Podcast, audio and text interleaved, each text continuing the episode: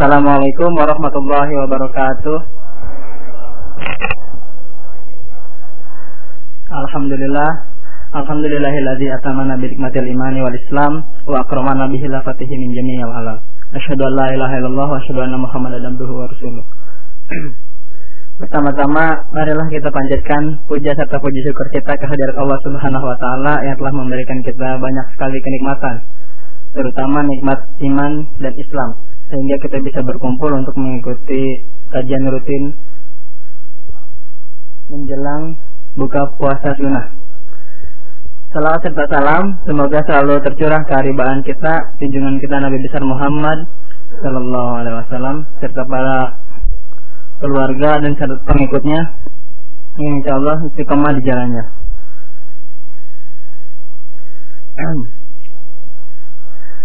Seperti biasa, setiap kami sore diadakan kajian rutin buka puasa sunnah bersama Ustadz Dwi Chandra Triyono dengan tema hawa nafsu. Ya, untuk mempersingkat waktu, marilah kita buka uh, kajian ini dengan basmalah. Bismillahirrahmanirrahim. Kepada Al-Ustaz dipersilakan.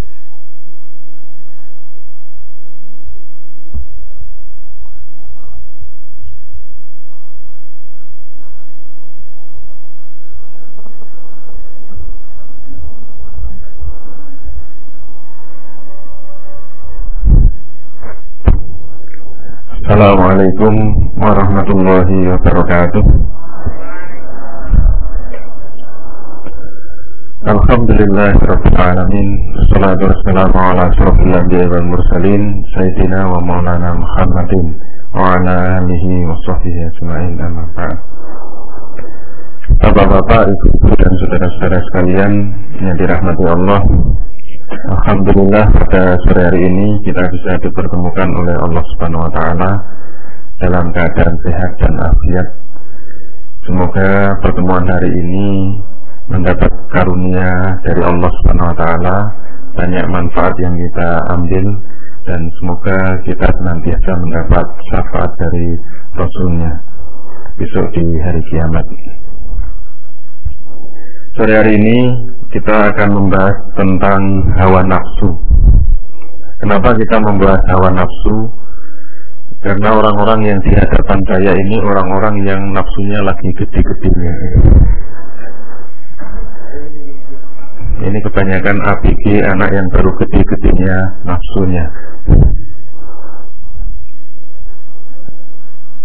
Oleh karena itu sebagai pembukaan saya bacakan surat Al-Mu'minun ayat 71. Surat Al-Mu'minun 71 yang berkaitan dengan hawa nafsu. Allah Subhanahu wa taala berfirman, "A'udzu billahi minasyaitonir rajim. Bismillahirrahmanirrahim." Walau ittaba'al haqqu ahwa'ahum lafasadatis samawati wal ardu wa man fihinna Beradainahum bizikrihim Fahum an zikrihim mu'ridun. Yang artinya Walau Seandainya Ittaba'al haqqu Ahwa'ahum Seandainya kebenaran itu mengikuti hawa nafsu mereka Lafasadatis samawati wal ardu Wa mangfihinna maka pasti akan binasalah seluruh isi langit dan bumi dan semua yang ada di dalamnya. Bal atainahum Sebenarnya kami telah mendatangkan kepada mereka kebanggaan mereka yaitu Al-Qur'an. Fahum an zikrihim mu'ridun. Akan tetapi kebanyakan mereka berpaling dari Al-Qur'an itu. Jadi ayat ini dimulai dengan kalimat lau itu berarti pengandaian untuk memberikan gambaran. Seandainya kebenaran itu mengikuti hawa nafsu manusia, pasti langit dan bumi itu akan binasa beserta apa-apa yang ada di dalamnya. Jadi Anda jangan menyepelekan hawa nafsu, hawa nafsu itu kalau dituruti memang bisa menghancurkan seluruh isi langit dan bumi. Walaupun kayaknya orangnya kecil-kecil kayak kita ini, mungkin kelasnya kelas ayam, kecil-kecil. Tapi kalau punya nafsu dan nafsunya dituruti itu memang bumi saja bisa hancur dan tidak hanya bumi tetapi langit juga bisa hancur itu gambaran dari Allah menunjukkan betapa dahsyatnya hawa nafsu manusia itu. Kemudian dari hadis ini sayangnya saya belum menemukan matanya jadi hanya terjemahnya. Hadis riwayat al baihaqi nanti bisa dicari di maktabah Syamilah jadi dalam hadis disampaikan Sesungguhnya ada hal yang paling aku khawatirkan atas kalian Yaitu mengikuti hawa nafsu dan panjang angan-angan Jadi ada satu hal yang dikhawatirkan atas umat Islam, umat Muhammad Yaitu dua hal Mengikuti hawa nafsu dan tulul amal atau panjang angan-angan Mengikuti hawa nafsu itu bisa mengakibatkan orang menyimpang dari kebenaran, sementara panjang angan-angan bisa menjadikan orang lupa akan akhirat. Jadi kalau orang mengikuti hawa nafsu itu bisa menyimpang dari kebenaran, kalau tulul akmal atau panjang angan-angan itu bisa menjadikan orang lupa akan akhirat. Jadi panjang angan-angan itu berbeda dengan cita-cita ya. Kalau cita-cita itu keinginan yang sudah diprogram, di planning dengan baik. Kalau panjang angan-angan itu memang hanya ngelamun saja gitu. Anda cuma delohom di dalam kamar membayangkan wah seandainya jadi pemain bola gitu. Sekelasnya David Beckham sekali tendangan bisa gol tendangan pisang. Bayangkan. Kemudian uh, main di Barcelona bayangkan gitu. Kemudian gajinya sehari satu miliar berarti setahun 365 miliar gitu. kalau Messi itu gajinya berapa? Messi itu pendapatannya sudah sekitar 400 miliar setahun nilai kontraknya. Jadi sehari sudah lebih dari satu miliar penghasilannya. Bapak anda itu tahun aja belum tentu ada satu miliar apalagi saya. Tapi pemain bola itu sehari bisa satu miliar. Kalau kelasnya Messi bisa di atas satu miliar sehari itu. E, Anda bisa membayangkan itu saja kekayaannya masih di bawah David Beckham jadi pemain bola terkaya di dunia sekarang David Beckham karena dia selain pemain bola dia juga selebriti. Jadi bintang-bintang iklan dunia. Kemarin saya nyervis mobil dapat majalah otomotif. Tentang ternyata ada eh, judul dari majalah itu adalah mobil-mobil David Beckham semua mobil mewah dia punya jadi anda tanya apa saja apakah Ferrari apakah Rolls Royce apakah kalau Mercy kayaknya malah nggak punya terlalu terlalu rendah. Ini kelas-kelas Bentley Bentley itu harganya sekitar 7 miliar. Tapi anggota DPR kita ada yang punya juga.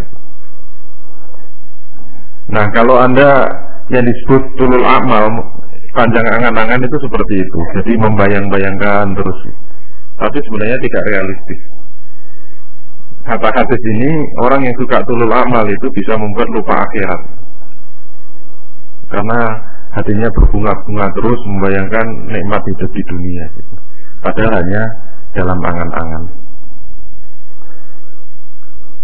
Baik dari Quran maupun hadis itu menunjukkan bahayanya orang mengikuti hawa nafsu oleh karena itu kalau kita lihat agama-agama di dunia ini kebanyakan ajarannya itu sangat membenci hawa nafsu. Mulai dari agama Buddha, mana ya orang Vietnamnya kalau nggak kelihatan. orang Buddha itu ajarannya yang sangat terkenal itu ajaran moksa. Jadi ajaran moksa itu ajaran di mana manusia bisa menjalani tahapan-tahapan menuju nirwana. Nirwana itu surga ya. Dengan cara apa? Dengan cara menjauhi hawa nafsu kalau perlu membunuh hawa nafsu dalam tanda petik itu. Jadi kalau kita ingin mencapai nirwana, mencapai derajat manusia tertinggi, itu kalau kita bisa meninggalkan semua dorongan-dorongan nafsu. Maka kalau Anda melihat biksu yang sudah mulai melakukan amaliyah moksa itu, pertama yang akan dilakukan peresmiannya mesti mencukur rambut. Jadi rambutnya digundul baik laki-laki laki-laki maupun perempuan sama saja tetap digundul. Setelah itu dicelomot obat nyamuk. ya saya ngertinya gitu. itu obat nyamuk apa apa namanya? Kalau orang Cina mengatakan dong sua, dong sua itu kayak obat nyamuk. Baunya harum. Jadi dari bahan-bahan yang harum. Kemudian biasanya di di selomot enam titik itu. Jadi kalau saya lihat film-film kuku saya hitung itu enam memang gitu. Kemudian setelah itu tidak boleh memakai baju selain warna oranye. Bajunya itu. Itu masih untung pakai baju. Jadi kepalanya sudah pelontos, kemudian pakai baju oranye. Nah, mulai sejak saat itulah dia resmi melakukan aktivitas moksa. Maka ada banyak pantangan yang harus dilakukan oleh seorang biksu. Pantangan yang terbesar itu dia tidak boleh menikah selamanya, tidak boleh kawin selamanya. Karena itu dianggap menikah atau aktivitas kawin itu aktivitas yang paling rendah dari derajat manusia. Itu derajatnya sama dengan derajat binatang. Jadi kalau di sini dilihat orang yang paling bejat itu saya gitu karena sudah menikah. Derajatnya paling rendah. Menurut ajaran moksa. Jadi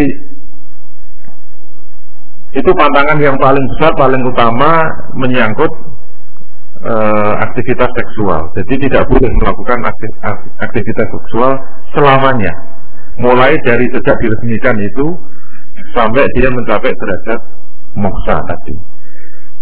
Itu yang pertama. Kemudian yang kedua menyangkut makanan. Maka makanan yang paling dilarang untuk aktivitas moksa itu adalah makanan daging.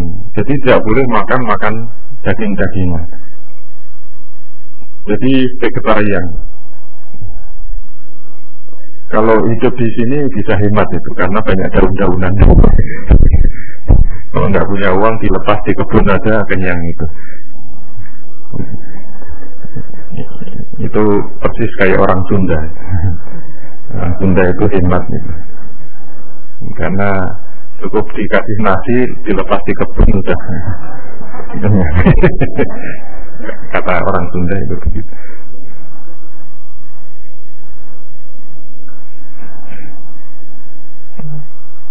Nah kalau orang sudah bisa menjalani itu terus, semua keinginan-keinginannya bisa dicegah, maka derajatnya akan naik, akan naik, akan naik. Dia akan bisa uh, mencapai derajat yang paling tinggi, yaitu derajat moksa, dan dia akan menyatu dengan Sang Buddha. Itu ajaran moksa, ajaran dari Sang Buddha, sehingga menganggap bahwa uh, hawa nafsu ini kalau bisa dibunuh bisa dimatikan maka orang ini akan mencapai derajat yang paling tinggi. Tidak berbeda dengan Buddha. Kalau anda lihat agama Kristen itu sebenarnya sama juga. Ajaran Kristen itu juga memiliki pandangan yang sangat negatif terhadap nafsu ini. Oleh karena itu yang dianggap orang suci menurut ukuran orang Kristen ini agak berbeda dengan Buddha kalau orang Kristen itu orang sucinya eh, yang disebut orang suci itu syaratnya adalah tidak menikah selamanya. Berarti pandangan terhadap menikah itu juga eh, aktivitas yang sangat buruk, aktivitas yang sangat negatif, aktivitas yang kelasnya kelas hewani, kelas binatang. Oleh karena itu, kalau anda melihat orang-orang suci dari dari agama Nasrani itu tidak menikah selamanya untuk mencapai derajat yang tinggi, derajat kesucian. Bapak Ibu dan saudara-saudara sekalian, ini bapaknya sudah berapa ini? Yang pakai kopiah sudah bapak-bapak. Di sampingnya juga sudah bapak-bapak. Yang lain calon bapak-bapak. Pengen jadi bapak enggak? Itu level binatang.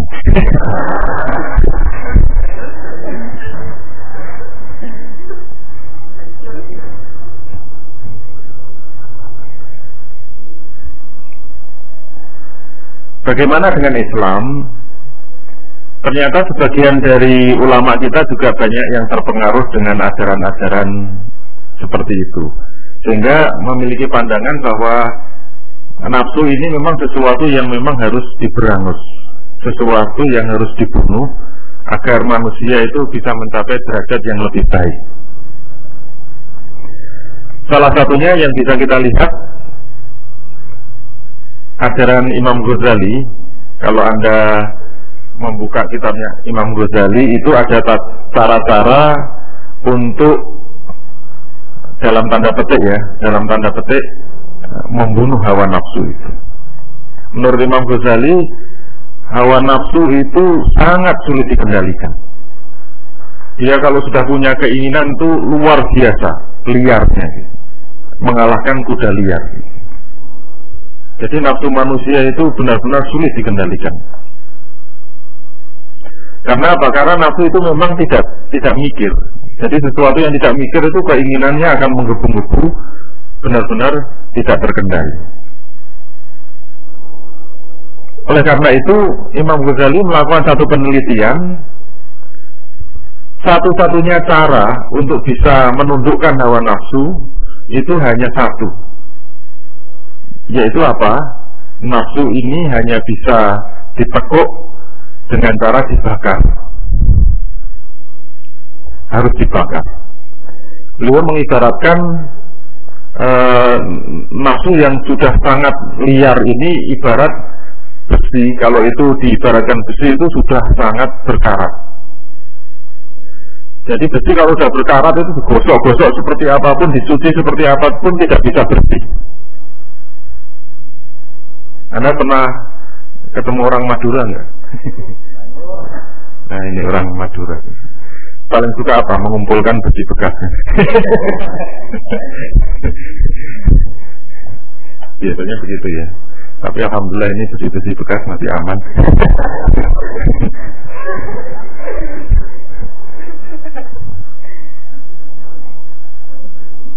Nah, kalau Anda mengamati besi bekas yang paling menarik itu besi kalau sudah karatan, cobalah Anda Anda coba gosok-gosok sampai bersih, maka tidak akan bisa bersih.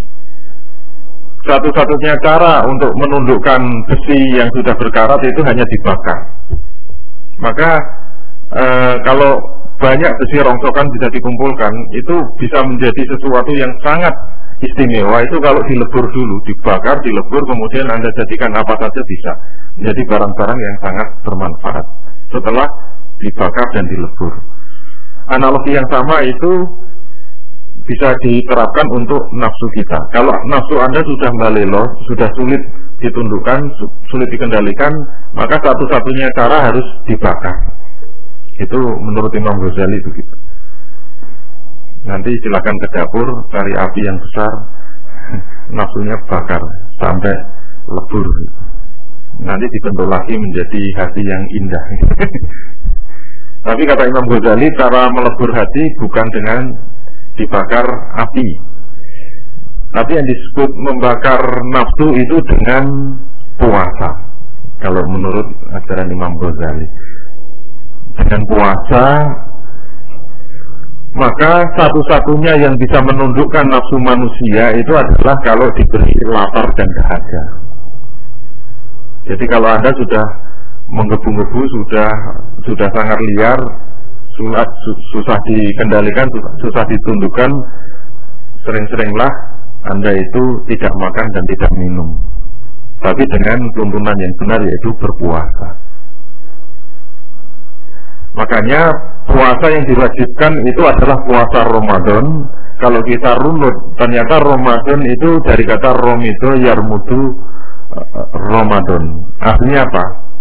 Kalau romito itu membakar, Ramadan itu pembakaran. Jadi bulan Ramadan itu sebenarnya bulan pembakaran. Jadi kalau Anda memasuki bulan Ramadan, kemudian Anda puasa 30 hari penuh, maka sebenarnya Anda sudah masuk kepada proses pembakaran nafsu.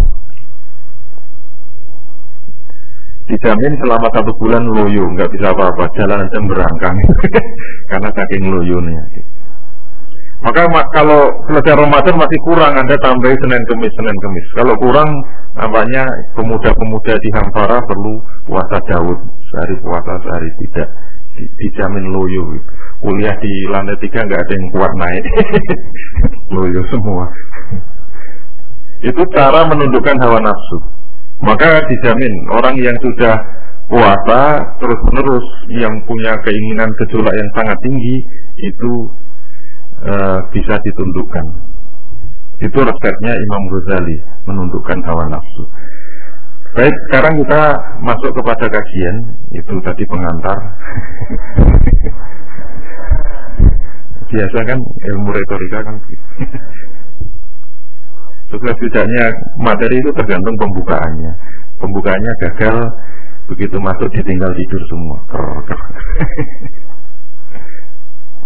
Terus sebenarnya hawa nafsu menurut Islam berdasarkan ayat-ayat Quran dan Sunnah itu yang sebenarnya bagaimana? Apakah memang nafsu itu sesuatu yang jelek sehingga harus dibunuh, dimatikan seperti ajaran-ajaran agama tadi?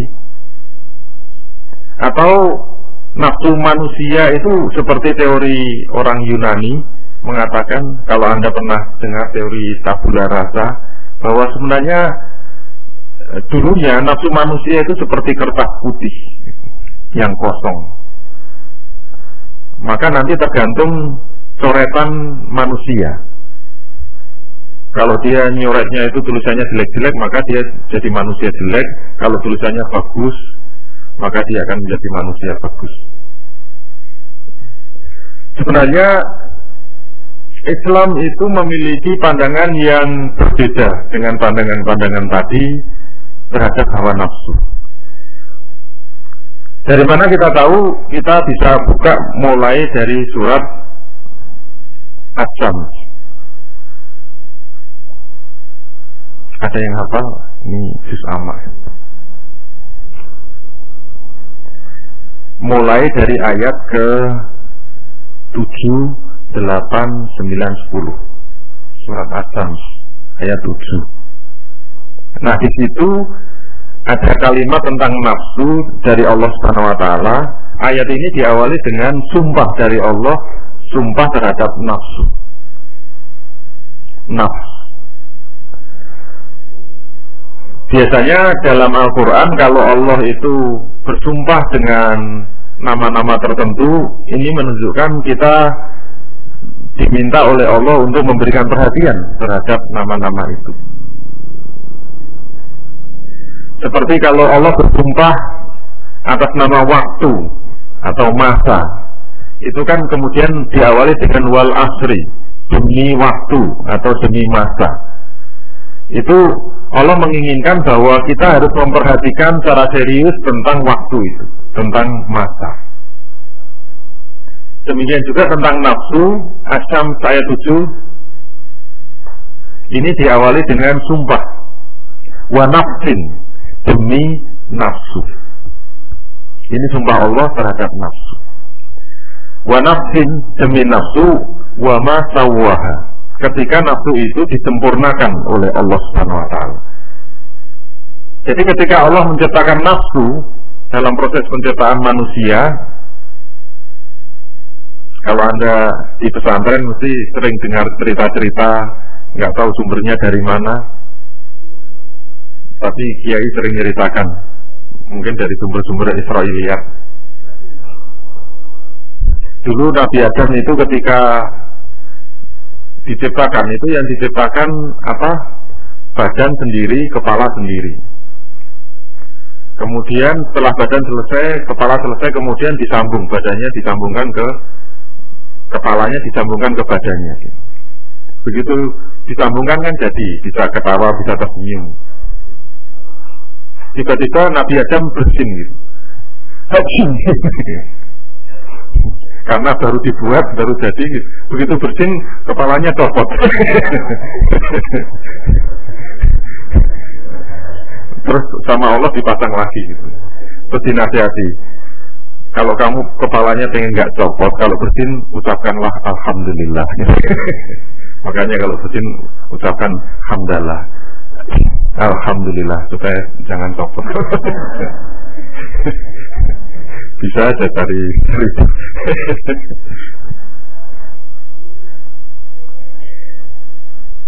Asam saya tujuh itu menceritakan ketika nafsu itu diciptakan oleh Allah atau disempurnakan oleh Allah sebelum dimasukkan ke dalam manusia, sebelum dimasukkan ke dalam tubuh manusia, maka Allah sudah memberikan hidayah atau petunjuk atau ilham kepada nafsu itu. Yaitu apa? Fa'alhamaha hanya itu kembali ke nafs tadi. Jadi nafs itu mu'anas ya disifati sebagai perempuan. Mohon maaf ya. Hanya disifati saja. Fa'alhamaha, maka Allah memberikan ilham kepada nafsu itu.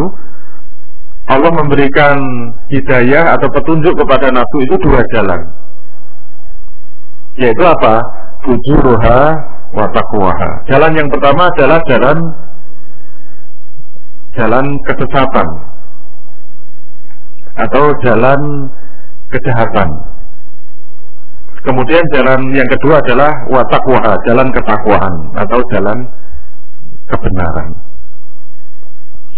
Nah dari informasi yang diberikan Allah ini maka kita sudah bisa menarik satu kesimpulan Menurut pandangan Islam sebenarnya nafsu itu bukan kertas putih bersih Nafsu itu juga bukan barang yang atau makhluk yang sangat buruk, sangat jelek dan sangat negatif. Jadi kalau Anda memandang bahwa nafsu itu identik dengan hal-hal yang negatif, itu salah. Menurut pandangan Islam. Jadi menurut pandangan surat Asam ini sebenarnya nafsu itu bersifat netral. Ketika diciptakan dia masih bersifat netral. Artinya apa? Dalam proses penyempurnaan penciptaan nafsu ini Allah itu hanya memberikan potensi. Potensi. Dan semua nafsu manusia itu ternyata diberi dua potensi. Potensi yang pertama itu potensi untuk bisa dibawa kepada jalan kesesatan. Itu bisa.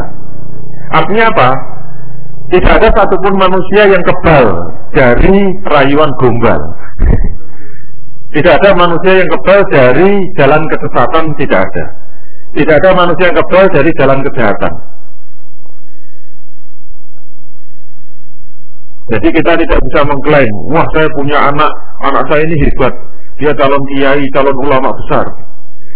Insya Allah dia nanti akan jadi orang baik, jadi orang jujur, ulama besar, yang nanti kalau mati pasti masuk surga. Nggak bisa. Anak saya itu nggak bisa dirayu-rayu didekat-dekati diajak-ajak untuk menjadi orang yang rusak jadi orang bejat nggak bisa. Ini baunya aja bau surga. Nggak bisa. Kita mengklaim punya anak yang istimewa kayak gitu. Termasuk kita juga tidak bisa mengatakan ini ada mahasiswa kok diajak ngaji aja susah. Ini kayaknya memang alirannya aliran sesat ini ini memang kayaknya bakatnya jadi orang bejat ini baunya aja neraka udah nggak usah dinasehati gitu. diajak aja nggak usah lah itu memang sudah uh, maunya itu sesat terus maunya rusak terus dia sudah nggak bisa diperbaiki lagi dibiarkan nanti gelundung sendiri masuk neraka. Udahlah, diikhlaskan saja. Jadi tidak ada orang yang potensinya itu hanya potensi rusak saja. Jadi tidak ada orang yang lahir itu hanya potensinya baik saja, tidak ada orang yang sejak lahir potensinya baik saja tidak ada. Yang benar dua potensi ini sudah diberikan oleh Allah. Tapi ingat ini hanya bersifat potensi. Anda ingat kalau pelajaran SMA mesti diajari energi itu ada dua, energi potensial dan energi kinetik. Contoh energi potensial itu apa? Kalau Anda di gunung menemukan ada sumber air di atas, tapi masih ada di sebuah danau, itu namanya baru disebut energi potensial. Tapi kalau sudah menjadi air terjun itu baru disebut energi kinetik. Jadi air yang berada di atas itu sudah mempunyai potensi. Potensi untuk apa? Untuk digunakan apa saja. Pokoknya begitu air dibuka, kalau disuruh menggerakkan turbin ya bisa, dia akan menyalakan semua listrik yang ada di, di lingkungan itu. Tapi kalau dibuka kemudian untuk e, melumatkan rumah-rumah menjadi banjir bandang itu juga bisa. Nah kira-kira Allah menciptakan nafsu itu hanya dalam bentuk potensi begitu saja dan ini bisa dimanfaatkan untuk apa saja. Tapi air itu nggak bisa. Kalau Anda turuh untuk membuat rumah banjir, dia nggak mau itu nggak bisa. Dia kalau memang jalannya harus membuat banjir, seperti kemarin saya dari Wonosobo itu di daerah Tieng, di daerah Tieng itu anda mungkin nggak pernah bayangkan namanya Dieng di bawah sedikit Dieng itu kan pegunungan tinggi. Kalau Anda dengar berita bahwa Wonosobo mengalami kebanjiran itu kan aneh itu. Wong di, pegunungan tinggi kok banjir itu sak Jawa bisa kelelep itu. Tapi kenyataannya di daerah pegunungan itu terjadi banjir. Kenapa? Karena memang hutannya dibabati. Saya tanya-tanya sama orang Wonosobo, hutan kok dibabati untuk apa? Katanya untuk nanam kentang. Dibabat, tanami kentang, tanami kentang. Ya, kentang itu kalau ada hujan deras itu dia nampung airnya seberapa? Sah? Tanaman merambat gitu kan. Kalau ada banjir besar ya dia cuma mohon maaf silahkan lewat saja. dia nggak bisa mencegah banjir. Tapi kalau pohon-pohon di sekitar kita insya Allah pohon jati banyak kan. Insya Allah aman di hampara. Air kalau sudah turun datang itu kemudian dia akan menghantam apa saja dan akhirnya dia membuat menjadi banjir bandang besar, akhirnya membuat tanah longsor, ternyata tanah longsor ini turun menyapu satu desa gitu. Jadi sebenarnya desanya ini aman-aman saja, tapi keruntuhan dari atas gitu. Mungkin yang bangun rumah di situ nggak pernah menyangka kalau rumahnya itu akan habis oleh tanah yang longsor dari atas itu. turun bersama air bah itu langsung menyapu satu desa habis terus. Kebetulan kemarin saya ngobrol sama bupatinya gitu. Karena malamnya dia sudah menyatakan uh, dihentikan saya tanya e, korbannya sudah ditemukan semua belum? Ya yang bisa diidentifikasi sempurna tinggal cuma delapan yang dua tidak bisa. Oh dihentikan? Ya sudah sesuai prosedurnya. Bahwa pencarian itu maksimal tujuh hari. Kalau sudah tujuh hari sudah tidak dilanjutkan lagi. Karena ketemu ya sudah. Mungkin sudah hancur. Terus yang dua nasibnya gimana? Ketemu enggak saya tanya. Ya alhamdulillah ketemu tapi tercerai gitu kadang-kadang di sana ketemu cuma kaki saja gitu. Di sana ada tempat lain ada yang tangan ada yang mungkin kepala. Jadi sudah tercerai yang dua orang. Itu uh, akibat uh, penggundulan hutan. Nah potensi air ini juga tidak bisa pilih-pilih. Nggak mungkin kalau dia mau menghantam rumah itu non jauh ya saya nggak mau gitu. Saya berhenti di sini saja. Nggak mau Ya kalau memang dia harus menghantam rumah, menghantam rumah. Jangan maunya cuma memutar turbin saja. Gitu. Yang namanya energi potensial, dia bersifat netral. Nafsu manusia itu juga begitu. Nafsu manusia itu memiliki dua potensi yang sudah diberikan oleh Allah Bisa untuk diajak kepada jalan yang sangat besar, sangat bejat itu bisa Diajak jalan kebaikan itu juga bisa Tapi ini hanya bersifat potensial Makanya kemudian kelanjutan ayatnya Asam ayat 9 Inilah dalam perkembangannya kemudian manusia itu menjadi berbeda-beda. Kalau Anda melihat fakta, kenapa kok kemudian ada orang yang kalau sudah bejat itu dinasihati kayak apa itu susah dan susahnya minta ampun. Tapi kalau ada orang yang dinasihati sedikit saja mudah, diajak kebaikan sedikit saja mudah, diajak ngaji mudah. Itu rahasianya ada pada kelanjutan ayatnya yaitu asam 9 dan 10. Nah 9 itu Allah melanjutkan dengan kalimat Qad Qad aflahal Qad aflaha man zakkaha Sungguh Beruntunglah orang-orang yang senantiasa mau mensucikan jiwa itu Itu artinya apa? Sungguh beruntung orang yang mau merawat jiwa tadi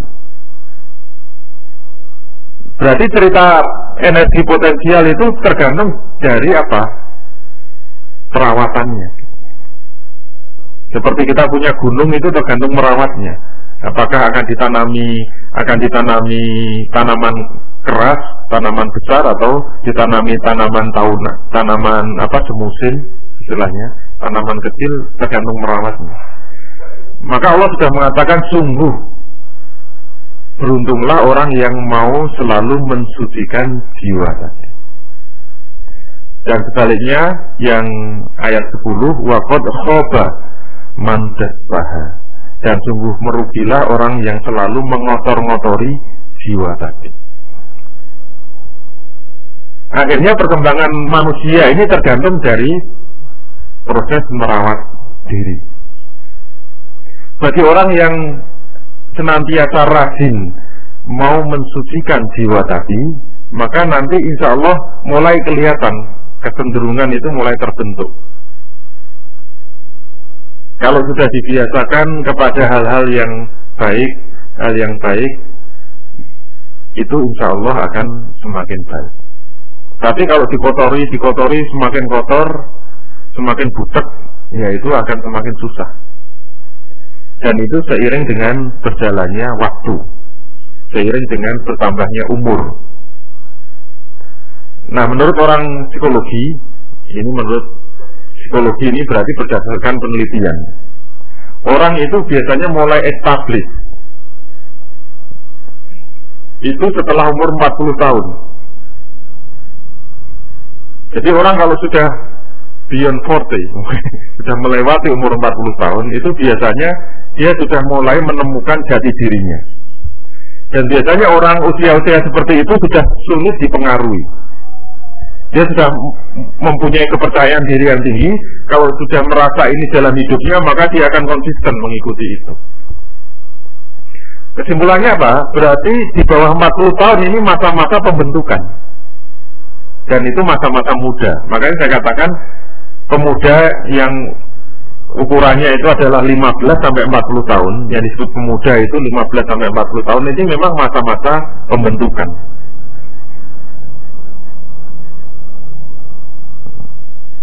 Itu masa yang paling rawan. Karena dia mulai mencari jati dirinya. Dia akan menjadi apa tergantung usia ini. Makanya besok di padang mahsyar, padang mahsyar itu nanti ada empat pertanyaan. Lengkapnya lima ya yang karena yang satu pertanyaan beranak dua. Itu ada pertanyaan yang kedua itu pertanyaan khusus bertanya tentang masa muda. Kamu diberi masa muda kamu gunakan untuk apa berarti ada pertanyaan spesial. Kalau saya sudah lewat dari 40 tahun. Saya tinggal mengingat-ingat dulu masa muda saya itu ngapain aja gitu. Ya ternyata ya sama saja lah. Kadang beling kadang ya alim. Biasa namanya juga manusia. Zaman jahiliyah. Oleh karena itu tergantung dari kemampuan manusia untuk merawat diri kalau dia itu rajin membersihkan maka dia akan menjadi orang yang beruntung. Kalau dia itu rajin mengotori maka semakin kotor semakin kotor maka mungkin dia akan semakin susah diajak baik. Dari sinilah kita baru tahu Kenapa ada orang yang kemudian sangat susah untuk diajak kepada kebaikan atau ada orang yang sudah semakin susah untuk dijerumuskan kepada kesesatan. Semakin susah. Itu berarti ibarat jalan itu sudah semakin relnya itu cabangnya itu sudah semakin jauh. Ini semakin baik semakin baik. Untuk sampai kepada kejahatan itu semakin susah. Ini semakin bejat semakin rusak untuk dibawa kepada kebaikan itu juga sudah semakin jauh semakin susah. Tergantung dari kecilnya dia dirawat bagaimana oleh karena itu kemudian ada teori-teori, ada tata cara untuk merawat nafsu itu. Yang kalau dalam teori saksiah itu kemudian diberikan istilah dengan apa? Bagaimana caranya kita itu merawat nafsu. Maka kemudian ada istilah kalau dalam kuliah saya sering menyebutkan ada istilah nafsu dan ada istilah nafsiyah. Mana mbak nafsiyah?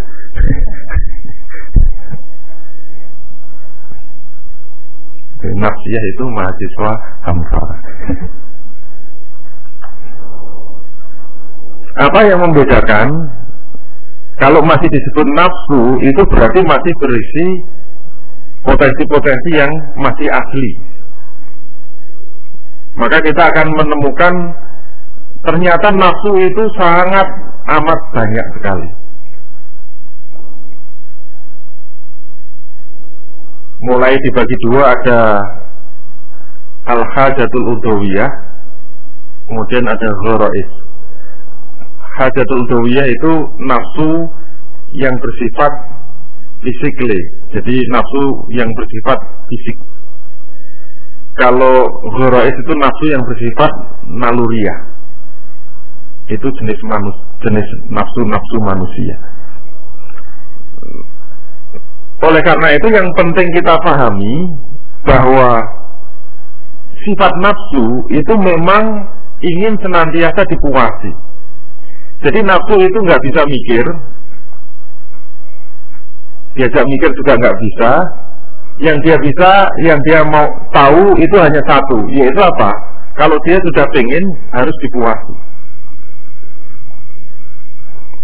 Anda kalau ingin lihat nafsu yang masih asli itu Anda lihat anak kecil. Kalau saya lihat anak saya, kalau sudah punya keinginan, itu udah nggak bisa ditawar lagi. Kalau dia ingin sesuatu, maka dia akan merengek nangis terus. Kenapa? Ya nafsu itu begitu memang karakternya. Dia nggak nggak mikir sama sekali. Satu-satunya cara yang bisa yang bisa mengalahkan dorongan nafsu itu kalau diiming-imingi dengan nafsu yang lain yang lebih menarik. Ya hanya dengan itu.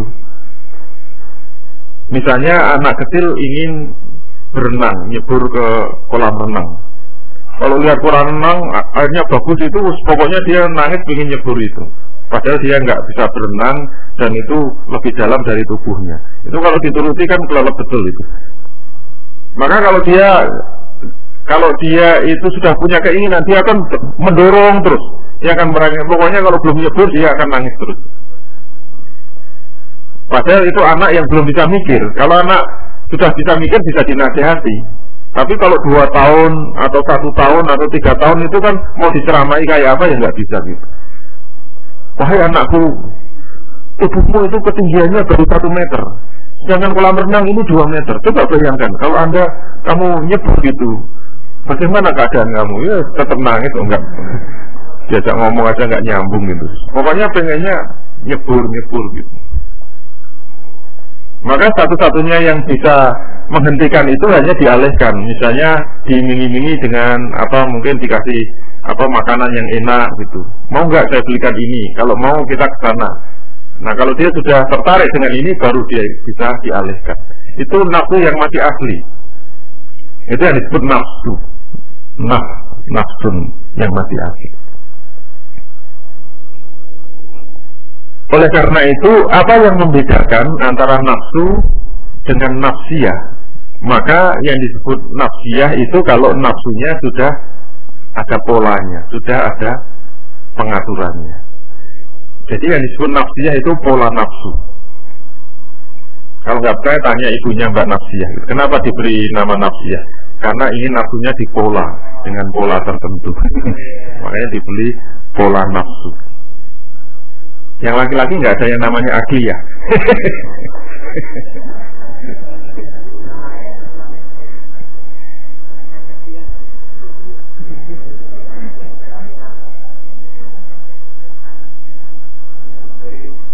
Nah karena ada pola nafsu atau nafsiyah inilah Maka kita tidak bisa mengatakan nafsu itu jelek. Kita tidak bisa mengatakan nafsu itu buruk. Kita tidak bisa mengatakan nafsu itu negatif Berarti kuncinya terletak kepada polanya tadi Contohnya apa? Misalnya nafsu makan kalau kita tanya, kalau orang itu pengen naf, pengen makan, itu kan nafsunya pasti muncul. Pertanyaannya, makan itu baik apa buruk sih? Makan itu benar apa salah? Kita tidak bisa mengatakan nafsu makan itu baik, nafsu makan itu buruk itu tidak bisa. Jadi nafsu itu ya netral-netral saja. Kemudian kalau anda kalau Anda belanja ke toko, Anda ingin beli ini beli itu, itu kan juga dorongan nafsu juga. Pertanyaannya, kalau Anda ingin membeli barang, itu apakah nafsu yang buruk atau baik? Itu kan tidak bisa kita menilai. Ini nafsu yang baik apa nafsu yang buruk, nggak bisa menilai. Termasuk yang lebih ekstrim nafsu, nafsu seksual. Kalau orang punya dorongan seksual, itu buruk apa baik? Kita tidak bisa memberikan penilaian. Karena itu masih netral. Oleh karena itu, ajaran Islam tidak pernah mengajari kita itu untuk membunuh nafsu sebenarnya. Untuk mematikan nafsu itu tidak pernah. Jadi ajaran Islam yang benar itu Islam itu hanya mengajarkan agar nafsu itu dapat disalurkan dengan jalan yang benar. Itu yang disebut nafsiyah. Kalau orang sudah bisa menyalurkan nafsunya dengan benar, itu berarti dia sudah punya pola nafsu. Maka sama-sama makan nanti ada makan yang jelek, ada yang makan yang baik. Ada makan yang benar, ada makan yang salah. Kalau Anda puasa Ramadan, Anda puasa Ramadan itu makan di siang hari itu malah salah. Jelek. Tapi kalau sudah azan maghrib Anda malah nggak mau makan malah jelek gitu. Yang baik segera makan. Berarti sama-sama makan, makan itu dorongan nafsu. Tetapi sama-sama menyalurkan nafsu itu ada penyaluran nafsu yang benar, ada penyaluran nafsu yang salah. Tergantung apa? Tergantung polanya. Tergantung yang mempolakan. Oleh karena itu justru potensi nafsu itu jangan dibunuh, jangan dihilangkan. Ibarat Anda punya punya satu kolam air di atas itu kalau tidak Anda manfaatkan sama sekali itu malah sayang kan. Karena itu memiliki potensi yang besar. Oleh karena itu yang menjadi masalah ketika Anda mau memanfaatkan air itu, mau Anda gunakan untuk apa tergantung dari pola yang Anda berikan. Maka kalau Anda menyalurkannya dengan cara yang benar, maka justru itulah yang dikendaki oleh Islam. Jadi kesimpulannya sebenarnya semuanya itu tergantung dari pola yang dimiliki dalam penyaluran nafsu itu. Oleh karena itu, justru kalau penyalurannya sudah benar, maka sebaiknya nafsu itu diperbesar. Jadi kalau Anda melihat penyalurannya salah, itulah yang harus dihentikan. Kemudian dibuka keran yang benar.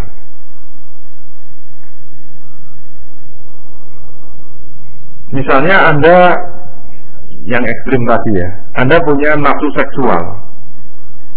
Apakah nafsu seksual ini harus didorong sampai gede apa harus dihentikan? Kan tergantung penyalurannya. Kalau penyalurannya kepada istri yang sah, istri yang halal ini malah harus diperbesar. Jangan sampai sebaliknya gitu. Melihat tetangganya malah bernafsu, melihat istrinya nggak bernafsu. Ini kewalik-walik benar.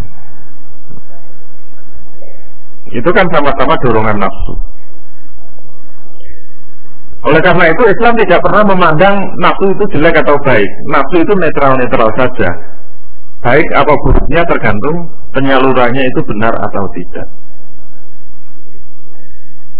Orang biasanya mengatakan ingin berkuasa, bernafsu untuk berkuasa itu jelek. Sebenarnya salah juga. Tergantung keinginan berkuasa ini sudah dengan jalan yang benar atau salah. Kalau bernafsu, ingin berkuasa, ingin jadi gubernur, ingin jadi presiden, ingin jadi bupati, ternyata itu salah menurut tinjauan syariat, berarti bernafsu untuk ingin jadi bupati itu malah nafsu yang salah yang itu seharusnya dihentikan. Tapi kalau Islam menghendaki agar Islam itu menjadi penguasa dunia, misalnya Islam itu harus bisa menundukkan Amerika, Islam harus bisa menundukkan dunia. Dunia itu harus diatur oleh Islam. Untuk menjadi penguasa dunia itu kan butuh dorongan nafsu yang dorongan nafsu yang besar. Kalau sudah salurannya benar seperti ini, justru harus diperbesar nafsunya. Kalau sudah tahu itu benar, harus memiliki nafsu yang besar. Jangan malah sebaliknya, diajak berjuang agar Islam itu menjadi penguasa dunia malah tidak bernafsu. Jadi ketika salurannya sudah benar malah ogah-ogahan ya, cuma ikut-ikutan saja gitu. Berarti kita tidak bisa mengatakan nafsu ini salah, nafsu ini jelek, nafsu ini harus dibunuh, dimatikan. Kita tidak bisa membayangkan kalau kita itu sudah tidak memiliki dorongan nafsu lagi, maka umat Islam ini akan loyo, lemah, tidak bisa apa-apa. Karena konsep nafsu yang salah. Maka dari itu Islam itu tidak mengendaki nafsu itu dibunuh, dimatikan, tapi Islam mengendaki nafsu itu disalurkan. Karena nafsu itu memang tidak bisa dimatikan. Kalau nafsu dimatikan itu malah nggak jadi manusia lagi, jadi malaikat nanti. Manusia kalau nggak punya nafsu itu sepi dunia itu. jadi yang membuat dunia itu meriah karena manusia punya nafsu. Dan Islam tidak mengendaki nafsu dibunuh, tapi nafsu harus disalurkan. Oleh karena itu, kuncinya cuma satu. Yang disebut orang punya nafsiyah itu kalau nafsu dituntun oleh syariat. Nafsu dituntun oleh syariat. Nafsu dikendalikan oleh syariat. Itu yang disebut manusia punya nafsiyah. Tetapi kalau yang terjadi sebaliknya, maka kita bisa melihat kenapa saya tadi membuka kajian ini dengan Al-Mu'minun 71 itu sebenarnya ayat yang menunjukkan bahwa yang terjadi itu sebaliknya yaitu kebenaran mengikuti nafsu. Jadi aturan itu kalau mengikuti nafsu manusia itu yang terjadi dunia akan hancur tetapi kalau kita balik nafsu harus mengikuti syariat syariat itu aturan yang dibuat Allah pasti dunia itu akan makmur sejahtera. Tetapi kalau aturan itu harus mengikuti nafsu manusia, kebenaran itu harus mengikuti nafsu manusia, itulah yang akan membuat hancur. Dan ini sebenarnya ayat ini tidak ada hubungannya dengan baik atau buruknya nafsu, tapi berkaitan dengan bagaimana kita mengendalikan nafsu. Maka kalau kita baca lagi ayat tadi, walau ittaba'al haqqu ahwa'ahum lafazadatis sama lafazadatis sama wa wal ardu wa man Seandainya kebenaran itu mengikuti nafsu mereka, seandainya kebenaran itu mengikuti hawa nafsu manusia, maka pastilah akan hancur seluruh isi langit dan bumi beserta isinya. Jadi ternyata ayat ini itu hanya berbicara mana yang di depan dan mana yang di belakang. Kalau sampai salah, yang menjadi penuntun kebenaran itu nafsu itu mesti hancur. Dan ini sebenarnya ayat yang ingin menyinggung Dewan Perwakilan Rakyat sebenarnya. parlemen atau DPR itu sebenarnya mengikuti ayat ini. Jadi ketika orang-orang berkumpul, karena ini disebutnya hum kan, mereka kan. Ketika orang-orang itu berkumpul untuk membuat aturan, itu pasti aturan yang dibuat mengikuti hawa nafsu mereka. Dan kalau aturan mengikuti hawa nafsu mereka, kita bisa lihat Indonesia itu akan hancur. Hancur sehancur-hancurnya termasuk dunia ini. Dunia ini kenapa hancur oleh perang-perang nggak selesai-selesai? Karena peperangan itu muncul dari hawa nafsu orang-orang yang ada di senat di DP, atau di DPR Amerika. Amerika ketika akan menyerang Irak itu atas nama demokrasi juga. Ketika Amerika akan menyerang Afghanistan, dia sudah nggak melewati PBB, dia langsung persetujuan dari DPR atau persetujuan Senat, dia langsung asal sudah disetujui, maka kemudian dia menyerang. Itu bahayanya kalau kebenaran itu mengikuti hawa nafsu. Maka yang harus kita perhatikan yang disebut kebenaran mengikuti hawa nafsu itu kayak apa? Maka kalau kita lihat ayat-ayat yang lain, kesimpulannya apa? Setiap aturan yang setiap aturan yang dibuat manusia tidak mengikuti syariat itu pasti mengikuti hawa nafsu. Contohnya ayat Al-Jasiyah ayat 18, surat Al-Jasiyah ayat 18. Al-Jasiyah ayat 18 Allah mengatakan Al-Jasiyah ayat 18 Summa ja'alnaka ala syari'atin minal amri fattabi'ha wala tattabi ahwa allazina la ya'lamun. Kemudian kami Allah telah menjadikan untukmu Muhammad suatu syariat, sebuah syariat untuk menyelesaikan urusan-urusan kamu di dunia ini, untuk menyelesaikan semua persoalan-persoalan, perkara-perkara yang ada di dunia ini. Fattabiha, maka ikutilah syariat itu. Jadi Allah telah menjadikan syariat untuk menyelesaikan semua urusan-urusan di dunia itu. Kemudian Allah memerintahkan maka ikutilah syariat itu. Jadi syariat itu harus di depan. Maka nafsu manusia harus mengikuti syariat itu. Yang dilarang apa? Wala tatabi ahwa alladzina la ya'lamun. Dan janganlah kamu mengikuti hawa nafsu mereka yang sebenarnya mereka itu tidak tahu apa-apa, tidak memiliki pengetahuan apa pun juga. Jadi lawan mengikuti syariat itu mesti mengikuti hawa nafsu. Jadi kalau manusia ingin tahu saya ini sedang benar apa sedang salah, ukurannya cuma satu. Ketika orang tidak mengikuti syariat itu mesti sedang mengikuti hawa nafsu. Karena nafsu itu luas. Nafsu itu intinya ya kepentingan manusia itu. Ayat yang lain misalnya adalah surat Al-Maidah. Al-Maidah 49 eh, kalau nggak salah atau 48. Ketika Allah berfirman, "Fahkum bainahum bima anzalallah wa la tattabi ahwa'ahum amma ja'aka minal haq." Maka putuskanlah perkara di antara mereka itu menurut apa yang telah diturunkan Allah kepadamu, yaitu syariat Islam. Kan? Putuskanlah perkara di antara manusia itu dengan apa yang telah Allah turunkan. Kemudian larangannya apa? Wala tatabi ahwa'ahum dan janganlah kamu mengikuti hawa nafsu mereka. Amma akan dapat sehingga kamu berpaling dari kebenaran yang telah diturunkan kepada. Jadi begitu manusia itu berpaling dari kebenaran, maka disebut mengikuti hawa nafsu.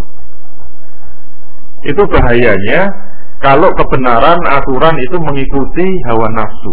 Berarti nafsunya di depan, aturannya kemudian dibuat mengikuti nafsu.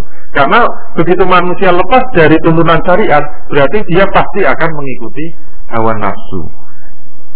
Tapi karena yang membuat jamaah, yang membuat kolektif, maka disebut mereka. Mesti disebutnya hum, hawa nafsu mereka, hawa nafsu mereka.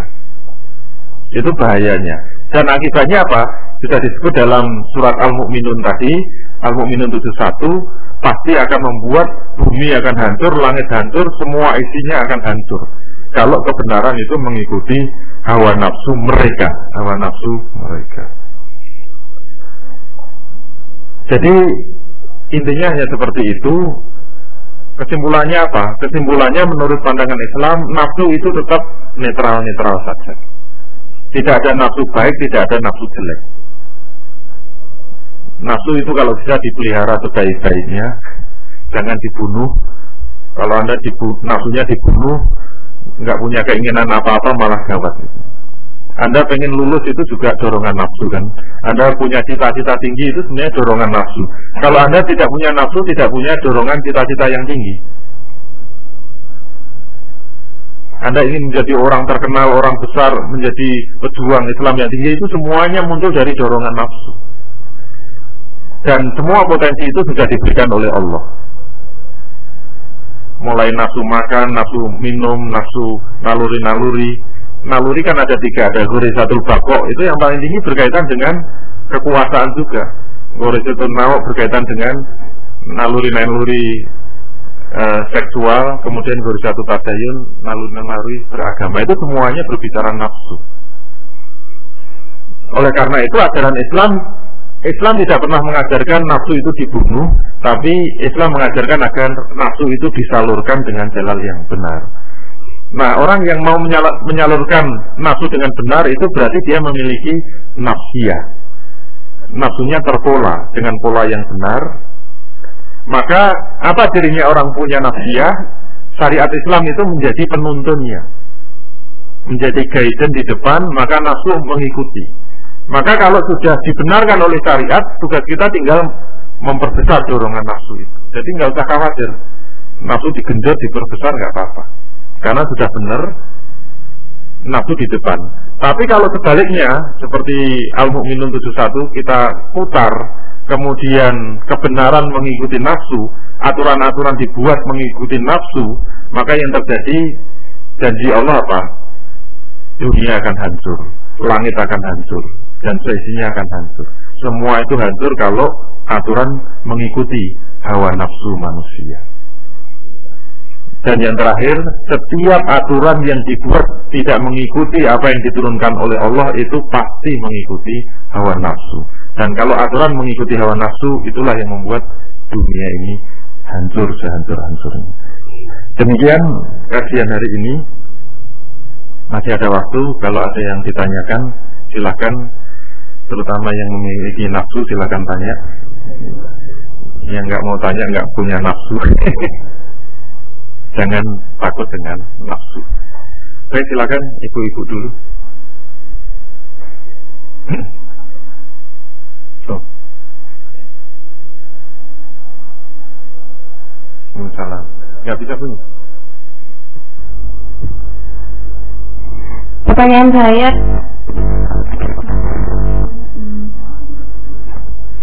uh, apa perbedaan penampakan dari nafsu dan penampakan dari tahu ataupun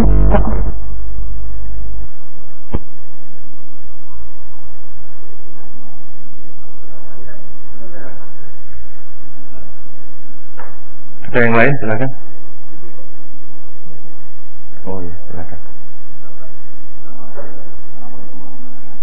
Waalaikumsalam.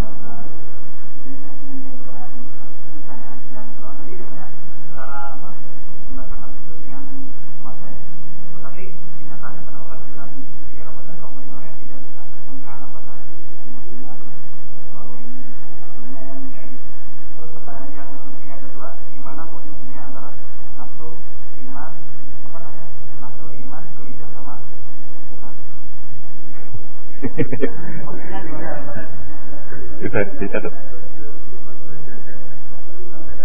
Kedudukan nafsu, bedanya nafsu, burisa, iman, setan. Iya. Silakan yang lain.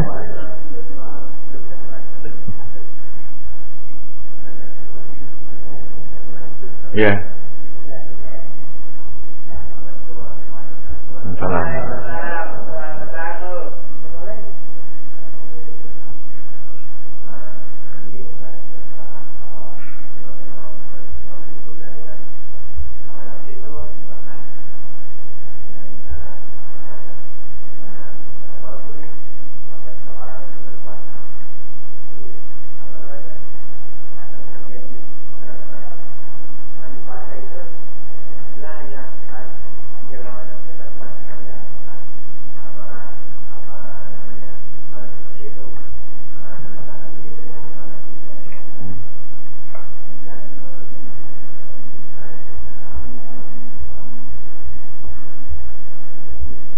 Ada lagi? Ya silakan. Bismillahirrahmanirrahim. Bawahnya coba. Yang saya tanyakan, uh, ketika seseorang uh, telah mengetahui satu kebenaran uh, dan mengetahui satu hak, hak yang hak, tapi dia sudah, tapi dia masih uh, belum bisa melaksanakannya masih ada keraguan-keraguannya, kira-kira yang mendorong dia seperti itu apa? Terima kasih. Assalamualaikum warahmatullahi wabarakatuh.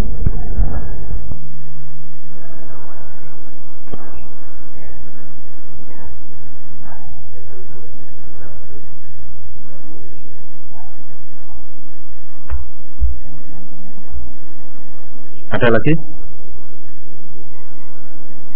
Cukup dulu ya. Nomor satu.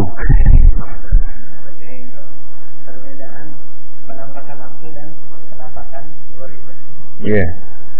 Perbedaan penampakan nafsu dengan penampakan dunia lain. Gorisa. Penampakan nafsu dan gorisa.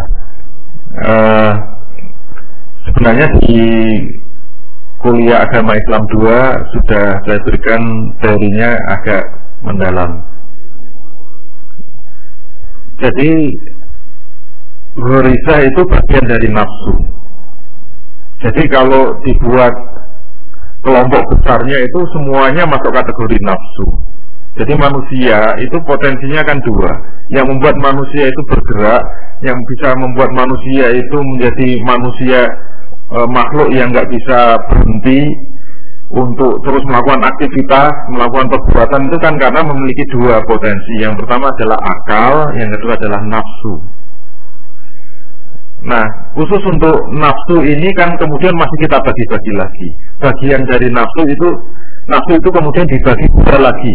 Yang pertama adalah hajatul udawiyah, yang ke, yang kedua adalah horois. Horois itu jamak dari horisa Gorois itu naluri-naluri, kalau hajatul udawiyah itu kebutuhan fisik manusia. Kemudian kebutuhan fisik manusia itu cirinya apa sudah dijelaskan. Kebutuhan fisik manusia itu cirinya dia bersifat pasti, yang kalau tidak dipenuhi mati. Kebutuhan fisik itu begitu. Kemudian yang kedua bersifat internal. Jadi munculnya melalui dorongan dari dalam. Nah, kebutuhan fisik manusia itu ada empat. Yang pertama adalah makan, kebutuhan makan, kebutuhan minum, kebutuhan buang hajat dan kebutuhan istirahat, tidur. Itu kebutuhan-kebutuhan fisik manusia yang kalau tidak dipenuhi mati. Jadi yang sedang ngantuk tidur aja, jangan sampai mati di sini. itu kebutuhan fisik. Dan dia bersifat internal. Artinya kalau anda ngantuk itu nggak usah di, di diiming-imingi kan, nggak usah dirayu-rayu, ngantuk tidur tidur aja, walaupun ustadznya lutunya kayak apa ngantuk ngantuk gitu, karena nggak harus dikasih contoh gitu. Itu yang sifatnya bersifat internal itu gitu. Lapar itu nggak perlu orang dirayu untuk lapar. Kalau kenyang itu ya nggak bisa lapar, tapi kalau sudah waktunya lapar dia akan lapar. Itu yang disebut internal apalagi sudah lapar diiming-imingi makanan ya makin menjadi-jadi. Nah kalau Gorois atau naluri-naluri itu ada tiga. Ada satu bako, ada satu nau, ada satu tadayun nah yang penting gorisa itu apa? Gorisa itu naluri yang bersifat tidak pasti. Artinya kalau tidak dipenuhi tidak akan menyebabkan kematian tapi hanya kegelisahan Orang kalau muncul nalurinya itu mesti akan mengakibatkan gelisah. Kalau sudah nggak tenang, bisa kritik itu nggak bisa tidur itu mesti ada naluri yang muncul yang tidak terpenuhi gitu ya. Nanti dilihat teman sekamarnya kalau sudah rusak rusak rusak ini mesti ada naluri yang liar gitu. nggak tahu naluri apa. Kemudian sifat naluri yang kedua itu dia bersifat eksternal. Artinya apa? Untuk memunculkan itu membutuhkan rangsangan dari luar atau dia membuat satu uh, dia memunculkan sebuah persepsi di dalam otaknya atau membayangkan itu termasuk rangsangan dari luar. Itu sifat naluri. Oleh karena itu, dalam keadaan yang biasa, biasanya naluri tidak muncul. Tapi kalau sudah mulai ada rangsangan-rangsangan dari luar, maka barulah muncul. Nah, naluri ini dibagi tiga. Tadi yang pertama horizatul bako. Bako itu artinya abadi kan. Berarti horizatul bako itu naluri untuk mempertahankan diri. Mempertahankan eksistensi diri. Makanya penampakan yang paling sederhana horizatul bako kalau ditanyakan penampakan. Kalau orang disinggung, orang di apa dikata-katain itu tersinggung itu apa yang membuat dia marah? Apa yang membuat dia tersinggung? Karena dia punya satu bako. Kalau anda dihina kok diem saja, nggak punya naluri itu namanya, nggak punya satu bako. Jadi kalau anda dihina gitu, kuliah kok dihampara ngisi-ngisi gitu. Nah orang yang merasa punya hampara marah semua gitu. Itu artinya apa? Punya satu bako. Itu yang paling rendah. Yang paling tinggi satu bako itu kalau anda diiming-imingi dengan misalnya anda masuk ke mall anda sebelumnya berangkat nggak punya keinginan apa-apa. Begitu melihat barang-barang bagus, barang-barang mewah, macam-macam, itu muncul semua itu nalurinya. Anda masuk mau kayak diudal-udal itu nalurinya. Kenapa? Anda ketemu dengan rangsangan di luar. Mesti pengen beli ini, pengen beli itu. Dibuka dompetnya nggak ada uangnya sama sekali. Itulah mahasiswa hampara. Keinginannya banyak tapi tenaga kurang. itu itu berkaitan dengan hubut tamaluk. Jadi keinginan memiliki sesuatu, tapi ada keinginan untuk berkuasa. Misalnya ketika masih banyak ada kompetisi pemilihan BEM, kemudian Anda terangsang untuk ingin menjadi ketua BEM, itu namanya naluri Anda muncul karena ada kompetisi. Yang kalau Anda Coba bayangkan Anda kuliah di Hambala sendirian, itu kan nggak ada keinginan untuk jadi ketua BEM karena mesti terpilih. Jadi nggak ada dorongan. Yang membuat Anda punya semangat, punya dorongan itu karena ada rangsangan dari luar. Itu baru level mahasiswa Hampara. Kalau Anda level di mungkin di kabupaten atau di kecamatan Anda, anda ingin jadi bupati, jadi gubernur itu berarti ada rangsangan. Anda ingin jadi kepala daerah di tempat itu, menjadi presiden di daerah itu dan seterusnya. Itu namanya Ghorizatul Fakok. Kalau horizontal nau itu kaitannya dengan kalau nau itu jenis. Jadi horizontal nau itu naluri mempertahankan jenis. Allah perlu memberikan naluri itu supaya jenis manusia itu tetap lestari. Jenis manusia itu tetap abadi. Kalau manusia tidak mempunyai horizontal nau, itu punah itu manusia, cepat habis. Coba bayangkan Anda nggak punya dorongan untuk menikah, itu kan siapa yang mau punya anak gitu itu satu generasi saja selesai habis. Maka manusia diberi diberi satu nau itu penampakannya macam-macam. Mulai dari anda itu kalau lihat bayi seneng itu sudah merupakan penampakan dari satu nau. Kenapa lihat anak kecil kok gemesnya minta ampun seneng pengen disubiti gitu. Tapi kalau lihat orang tua kok didiemin. Tiba-tiba kok nggak gemes. ya itu manusia memang diberi bekal itu supaya senang punya anak terus melahirkan. Kalau anaknya sudah besar kan pengen punya anak kecil lagi pengen punya anak kecil lagi. Jadi mulai dari sayang anak kecil sampai sayang sama anak besar itu namanya gurisa tenang itu kan anak-anak juga. Jadi kalau anda melihat lawan jenis tertarik itu penampakan dari tenang Makanya kalau Anda kuliah temennya perempuan semua, Anda perempuan temennya perempuan semua, itu satu naunya nggak muncul, nggak bisa muncul. Tapi kalau kuliah ada laki ada laki-laki ada perempuan, itu melihat lawan jenis tertarik, itu pemunculan dari satu nau, penampakan dari satu nau. Maka Anda boleh cek kalau Anda perempuan lihat laki-laki nggak tertarik itu rusak satu naunya. Jangan-jangan Anda tertarik dengan sejenis. itu itu sebenarnya satu nau juga tapi sudah rusak gitu. Orang lesbian homoseksual itu sebenarnya penyaluran satu nau juga tapi yang sudah rusak, sudah tidak normal. Itu harus direparasi lagi. sudah nggak normal. Itu yang disebut penampakan satu nau. Dan itu semuanya masuk dalam kategori nafsu, tapi masih netral, bukan nafsiyah. Gitu. Jadi yang disebut nafsiyah ketika Anda ingin menyalurkan itu, Anda sudah mulai pola penyaluran di jalan yang benar, maka Anda baru disebut Anda punya nafsiyah. Terus yang berikutnya? Kenapa bulan Ramadan masih ada emosi?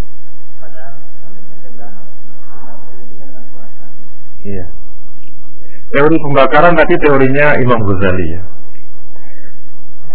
Walaupun uh, sudah dibakar, kenapa masih tetap uh, marah, masih tetap uh, punya nafsu? Itulah yang saya sebut uh, teorinya Imam Ghazali itu masih lemah gitu. Artinya apa? Walaupun ada puasa terus, itu sebenarnya nafsu nggak bisa dimatikan, nggak bisa dimatikan. Saya tidak percaya dengan, mohon maaf ya, dengan pendeta-pendeta, dengan biksu-biksu, dengan apa pastor-pastor yang katanya orang suci, katanya orang yang sudah bisa moksa, kemudian sudah nggak tertarik lawan jenis, saya nggak percaya itu. Walaupun sudah dikuburi, sudah nggak makan daging, apakah kemudian dia nggak tertarik dengan lawan jenis? nggak bisa. Nafsu itu nggak bisa dihilangkan. Nafsu itu nggak bisa dimatikan. Maka walaupun ada puasa sampai 24 jam, selama Anda masih hidup, nafsunya masih ada. Maka dalam keadaan itu memang orang masih bisa marah, masih bisa tertarik lawan jenis, masih pengen uh, hibah, pengen ini, pengen punya mobil dan sebagainya. Anda puasa sebulan itu kan diiming-imingi mobil tetap mau kan? Apakah kemudian nggak mau? Enggak malah diludahi nggak mau saja ya nggak normal itu artinya teori tadi menurut saya itu masih kurang sempurna kurang tepat. Masih lebih kuat teori mazhab Hamfara kira-kira begitu. Jadi menurut uh, ajaran mazhab Hamfara kan berarti nafsu itu memang diadakan bukan untuk dibunuh bukan untuk dibakar-bakar. Tapi untuk dikendalikan. Dikendalikan dan disalurkan di jalan yang benar.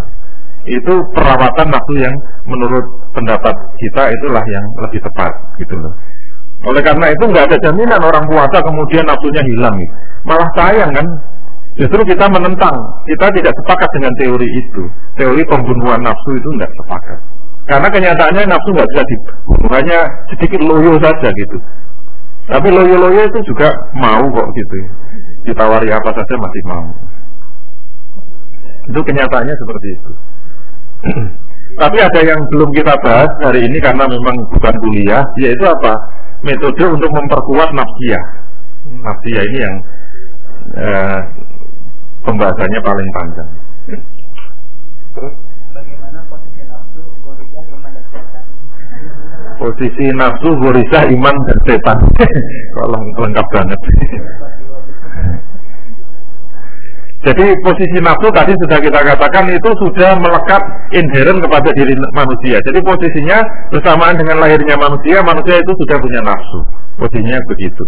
Kemudian Apakah membakar nafsu? enggak nafsu gorisa. Gorisa bagian dari nafsu, oke. Kemudian iman. Nah, iman itu munculnya dari dari proses berpikir, dari akiyah, bukan dari nafsiyah bukan dari nafsu. Kalau nafsu yang ada hubungannya dengan agama itu biasanya disebut sebagai satu tadayun itu hanya sebenarnya hanya naluri naluri ingin uh, bersandar kepada sesuatu yang dianggap maha besar, maha mutlak, maha kuasa. Itu hanya bersifat naluriah. Maka kalau dia tidak di, tidak melalui jalan akal, jalan yang benar, maka semua yang dianggap besar itu dianggap sebagai yang maha kuasa. Kalau dia jalan-jalan ketemu ringin besar, ringin ini dianggap yang bau resto di desa ini, maka dia akan menyembah ringin itu. Itu dorongan dari satu tadayun, sifatnya masih naluria. Kalau dia ke pantai selatan lihat ombak yang berjebur-jebur, berlari-lari berkejaran, sehingga dia merasa ketakutan dengan ombak itu maka dia menganggap itulah penguasa pantai selatan. Kemudian dia ingin ingin berlindung ingin mencari keselamatan dari yang bau rekto di pantai selatan. Itu disebut penyaluran satu tadayun yang sifatnya naluriah saja. Tidak ada yang menuntun. Maka yang disebut iman itu munculnya harus dari akal tidak dari naluri tidak dari gorisa ini sudah kita kasih dalam kuliah maka akal itu harus muncul dari eh iman itu harus muncul dari akal untuk mencari siapa Tuhan yang benar, Tuhan yang pasti, Tuhan yang sebenarnya itu siapa hanya bisa diperoleh dengan jalan akal, tidak bisa diperoleh dengan jalan naluri. Maka kalau akal sudah bisa memperoleh sudah bisa menemukan Tuhan yang benar, kemudian Tuhan itu diyakini, kemudian di, di kemudian diendapkan di dalam keyakinan, maka itu akan bisa membentuk nafsia, membentuk nafsu. Jadi nafsunya pun bisa meyakini dengan dengan dibutuhkan apa? Dengan penyaluran gori satu tadayun di jalan yang benar, kemudian hatinya menjadi tentram, dia sholat bisa menyembah kepada objek yang pasti benarnya, dia akan menjadi tentram, itu berarti sudah manifestasi iman yang benar. Jadi iman itu tidak dari naluri, tapi manusia punya naluri untuk meyakini sesuatu, menyembah sesuatu. Maka sesuatu yang benar itu harus diperoleh dari akal. Iman yang benar harus melalui proses berpikir akal yang benar. Terus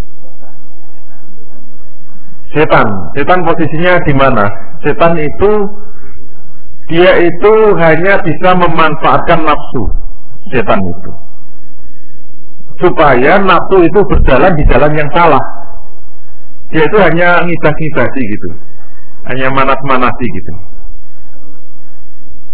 Misalnya saja Anda laki-laki perempuan ketemu, kebetulan lagi di tempat yang sunyi. Nafsu yang asli itu kan laki-laki ketemu perempuan mesti tertarik. Itu naluriah biasa. Di mana posisi setan? Kalau kemudian Anda dikibah-kibasi, kemudian Anda terdorong untuk berzina di tempat itu, maka itu sudah ada peran setan untuk membakar nafsu itu supaya bisa lebih cepat terbakar sehingga segera tersalurkan di jalan yang salah. Berarti kalau kita punya nafsu kemudian terdorong untuk melakukan perbuatan di jalan yang salah itu mesti karena dorongan dari setan. Karena setan tidak mungkin mendorong di jalan yang benar. Didorong-dorong untuk segera nikah, segera nikah gitu. Biar penuh barokah hidupnya, nggak mungkin itu dorongan setan. Itu mesti dorongan malaikat. Dorongan setan mesti ingin menjerumuskan di jalan yang salah. Tapi kalau sudah nikah, nanti di setan perannya apa? Lihat istrinya itu dibuat dibuat pokoknya berantem aja sama istrinya itu. Apa-apa salah aja. Itu mesti karena godaan setan. Dulu yang waktu masih dikejar-kejar itu kayaknya manusia paling cantik di dunia begitu dinikahi menjadi manusia yang paling memuakkan di dunia. Itu mesti dorongan setan gitu. jadi lihat istrinya itu menjadi pengen muntah-muntah itu. Itu mesti dorongan setan jadi setan itu ingin menjerumus, menjerumuskan kita agar nafsu itu tersalur di jalan yang salah, bukan di jalan yang benar. Terus apa lagi? Malaikat? Oh enggak ada. Apakah membakar nafsu hanya dengan puasa? Apakah membakar nafsu itu hanya dengan puasa? Maka saya katakan tadi itu bukan teori yang kita pakai. Jadi eh, mengendalikan nafsu itu dengan menyalurkan di jalan yang benar. Mungkin terkait dengan pertanyaan terakhir. Apa? Belum selesai. Ketika seorang telah mengetahui yang hak, Iya, terkait dengan terkait dengan pertanyaan nomor 4 uh, kita sudah tahu jalan yang benar tapi kenapa kebanyakan kita sudah tahu jalan yang benar kok masih masih juga menyimpang gitu? atau mungkin masih merasa malas gitu Padahal kita sudah ngerti jalan yang benar. Kalau Anda ditanya sholat tahajud itu benar apa salah? Benar. Pahalanya sedikit apa banyak? Buahnya. Berapa dari Anda yang sholat, sudah sholat tahajud? Itu dipertanyakan kan. Sudah ngerti jalan yang benar, kenapa malas melakukan? Sudah ngerti kalau ngaji itu pahalanya buahnya. Kita sudah kenal yang namanya hadis-hadis di majelis pengajian itu semua malaikat berkumpul di atas kita dengan melebarkan sayapnya, menaungi kita dan dia akan terus menerus mendoakan orang yang sedang ngaji. Jadi semua yang ngaji namanya disebut semua oleh malaikat didoakan agar kita mendapatkan rahmat dari Allah Subhanahu wa taala. Kita sudah ngerti hadisnya itu. Tapi diajak ngaji malasnya minta ampun, harus pakai di absen segala gitu. Kenapa begitu? Nah, itulah yang disebut sama-sama memiliki nafsiyah, ternyata ada nafsiyah yang levelnya rendah, ada nafsiyah yang levelnya tinggi.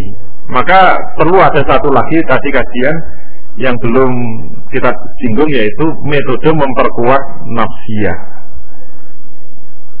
Kuncinya di mana? Metode memperkuat nafsiyah itu pada tuyul gitu. Ada ada makhluk dalam tubuh kita yang disebut tuyul. oh muyul ya bukan. Jadi yang disebut metode memperkuat nafsiyah itu kuncinya pada muyul. Jadi merawat muyul itu supaya jangan sampai jadi tuyul gitu. Maksudnya apa? Metode memperkuat nafsiyah itu bagaimana kita merawat muyul itu menjadi muyul yang islami. Muyul itu kecenderungan. Muyul itu kecenderungan sebelum menjadi suluk. Suluk itu perbuatan. Jadi ketika Anda sangat haus, mungkin Anda puasa kan, Anda sangat haus, di depannya sudah ada minuman, maka muyulnya itu muncul, kecenderungan untuk ingin minum. Nah, bagaimana yang disebut memperkuat nafsiyah itu sebenarnya bagaimana Anda membiasakan muyul agar muyul itu terbiasa pada jalan yang islami. Maka akan menjadi muyul yang islami. Contohnya bagaimana? Kalau Anda disuruh sholat tahajud itu susah, dibangunkan susah, untuk sholat eh, malam itu sangat susah, itu muyulnya itu masih muyul setani gitu. Belum muyul yang islami yang disebut merawat muyul memperkuat nafsiyah itu caranya merawat muyul untuk dipaksa pasti mulai harus dipaksa dengan dengan kebiasaan-kebiasaan yang islami yang disebut nafsiyah yang tinggi nafsiyah yang tinggi itu kalau muyulnya itu sudah cenderungnya pada kecenderungan yang islami tanpa ada yang membangunkan tanpa ada yang memaksa tiba-tiba anda bangun sendiri kemudian kakinya melangkah sendiri, tiba-tiba tangannya wudhu sendiri, kemudian sholat sendiri, semuanya sudah serba ringan, serba otomatis, itu namanya muyulnya sudah muyul tahajud gitu. Itu contoh yang mudah begitu. Sehingga kalau Anda malam tidak bangun, itu malah pusing. Anda malah merasa meriang panas karena apa nggak sholat tahajud. Itu muyulnya sudah muyul Islami. Pertanyaannya sampai membentuk muyul Islami itu pembiasaannya butuh berapa lama? menurut teori psikologi minimal 90 hari. Jadi tiga bulan berturut-turut untuk membentuk muyul yang islami. Anda kalau ingin memiliki muyul tahajud itu minimal Anda harus memaksa untuk bangun malam sholat tahajud selama 90 hari berturut-turut. Kalau Anda sampai tidak bangun sekali nanti diulangi lagi. Insya Allah 90 hari berturut-turut Anda akan terbentuk baru satu saja yaitu muyul tahajud muyul yang islami. Maka kalau sudah begitu nanti rasanya ringan sekali. Nggak usah pakai alarm, nggak usah ada yang membangunkan. Pokoknya anda kalau bisa bangun setengah empat, setengah empat itu melek sendiri. Tiba-tiba kaki turun sendiri, jalan sendiri gitu. Kayak vampir. itu namanya muyul yang islami. Kalau anda biasa sholat duha, anda sudah terbiasa. Pokoknya sudah masuk duha, tergerak sendiri begitu ringan, begitu nikmat. Jadi ciri-ciri orang yang sudah memiliki nafsiyah Islamiyah yang tinggi itu kalau semua yang dikerjakan itu nikmat. Anda kalau terbiasa sholat berjamaah di masjid, begitu Anda sholat sendirian di kamar, nggak berjamaah, itu rasanya sudah ada yang hilang, ada yang kurang, ada yang menggelisahkan. Itu namanya Anda sudah punya muyul sholat berjamaah di masjid. Itu butuh pembiasaan yang lama. Yang kalau tidak dibiasakan tidak akan muncul muyul sholat berjamaah. Gitu. Maka teori-teori saja Anda ngaji terus ilmunya banyak itu tidak menjamin Anda memiliki nafsiyah Islamiyah. Tidak menjamin Anda punya muyul yang Islami. Jadi yang disebut metode memperkuat nafsiyah itu harus dengan pembiasaan yang terus menerus. Anda tidak akan bisa memiliki muyul puasa Senin Kemis. Kalau tidak mulai dari sekarang dipaksa untuk puasa Senin Kemis. Itu susah. Sampai anda meninggal itu nggak akan mungkin anda terbiasa sholat eh terbiasa puasa Senin Kemis. Kalau tidak dipaksa terlebih dahulu. Maka kalau anda sudah terbiasa anda akan merasa nikmat sekali puasa Senin Kemis. Sehingga kalau tidak puasa Senin Kemis ada sesuatu yang hilang. Berarti anda sudah punya muyul Senin Kemis anda kalau sudah terbiasa dakwah anda nggak dakwah anda akan merasa gelisah. Itu namanya Anda sudah punya muyul dakwah. Anda biasa halakoh. Setiap minggu mesti halakoh. Anda akan terbentuk muyul halakoh. Kalau nanti lulus sampara Anda terlempar di sebuah gunung di tepi laut di daerah pulau yang terpencil Anda tidak ada apa Anda akan gelisah sendiri Anda tidak akan bisa merasa tenang tentram berarti Anda sudah punya muyul halakoh misalnya seperti itu itu satu persatu harus dibiasakan, dibiasakan, dibiasakan. Jadi kunci untuk membentuk nafsiyah yang tinggi hanya satu, yaitu dengan pembiasaan.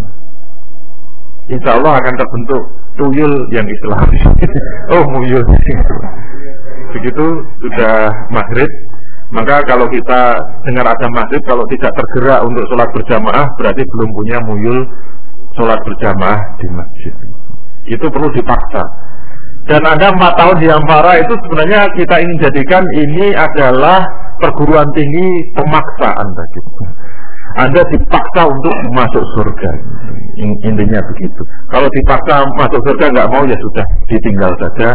Assalamualaikum warahmatullahi wabarakatuh.